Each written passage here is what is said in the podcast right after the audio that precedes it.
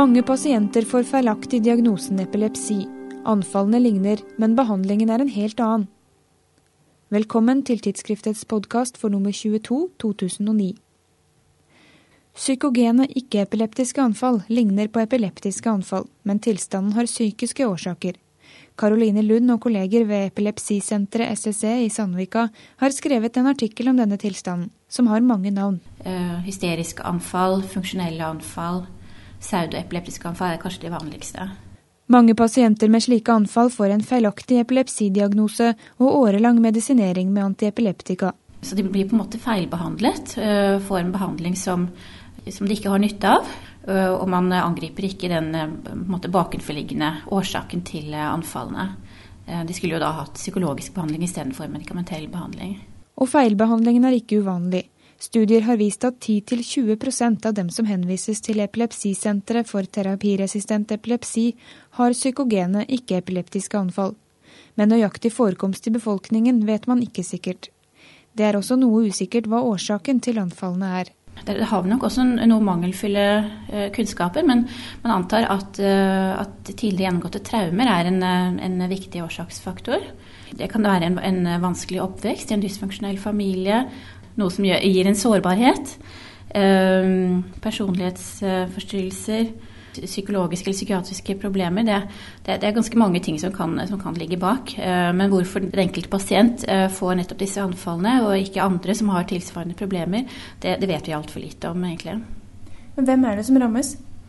Det er særlig kvinner. Eh, Ca. 80 er kvinner. Og det er gjerne da kvinner i ung voksen alder, slutten av tenårene og begynnelsen av 20-årene. Når oppstår anfallene, og hvordan arter de seg? Ja, de, de, kan være veldig forskjellige. Eh, eh, men de kan i prinsippet eh, ligne på ethvert hver type epileptisk anfall. Fra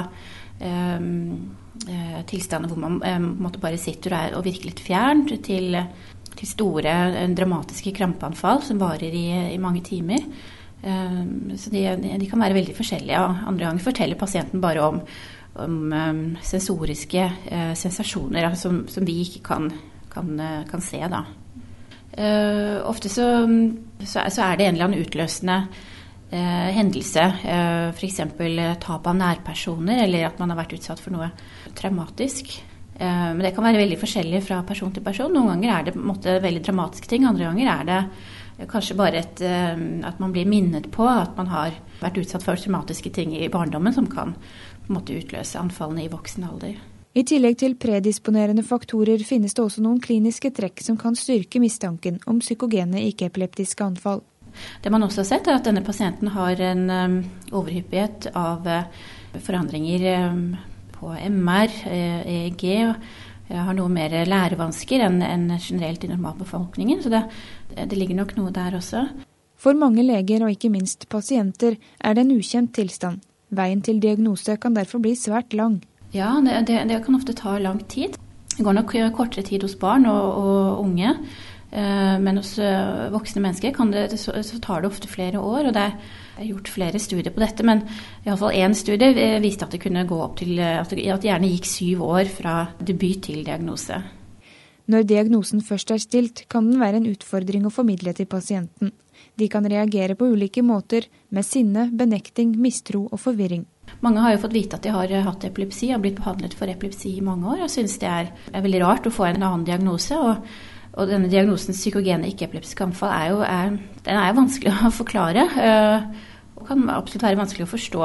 Uh, en del har nok uh, kanskje vært opplevd traumatiske ting i barndommen eller ungdomsårene som de har fortrengt og ikke lenger føler er relevante lenger, og, og, og, og synes det er uh, pussig at, at, det kommer da en lege og forteller at det er, er kanskje disse uh, tingene som ligger mange år tilbake i tid, som nå gjør at de, at de får anfall.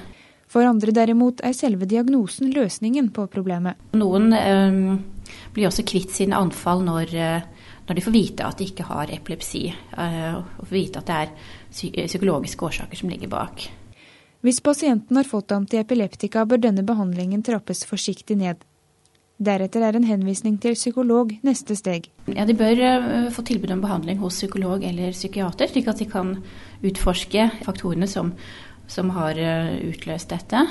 og, og hva, akkurat hva slags type behandling de, de bør ha av psykolog eller psykiater, det, det varierer nok og er individuelt fra person til person.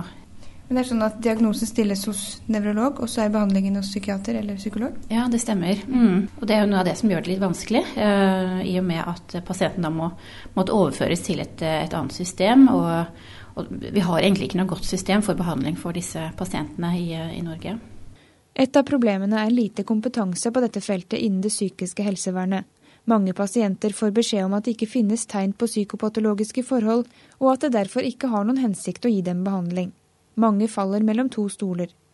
Men dersom riktig diagnose stilles til riktig tid, kan prognosen være god. Prognosen eh, eh, kan være ganske god hvis, hvis, man oppdager tilstanden eh, tidlig, og at pasienten får riktig diagnose. Og hvis man er ung. Eh, og også om, om, pasientene selv på en måte forstår, forstår, litt av det som ligger bak. og kan klare å reflektere over dette, så, så er prognosen eh, kanskje ikke så aller verst. Men Ehm, men som gruppe så, så, har, så har, de en, en, en nokså dårlig prognose. Det er mange, som, eh, mange av disse pasientene som ikke helt eh, forstår hva årsaken til, eh, til sine anfall. og, og da, da, blir det vanskelig å, å, reflektere over det også. Og det er jo også det er klart mindre status i å ha en, en, en, en psykisk lidelse enn en, en somatisk lidelse som epilepsi. Og, og, det er jo heller ingen på en måte, enkel behandling. Med epilepsi så, så kan man jo ta tabletter, mens ved psyogene ikke-epileptiske anfall så, så, er det på en måte ingen eh, sånn enkel vei til, eh, til å bli frisk, da. Du kan lese hele artikkelen til Caroline Lund og kollegene i tidsskriftet nummer 22. Neste podkast kommer 3. desember.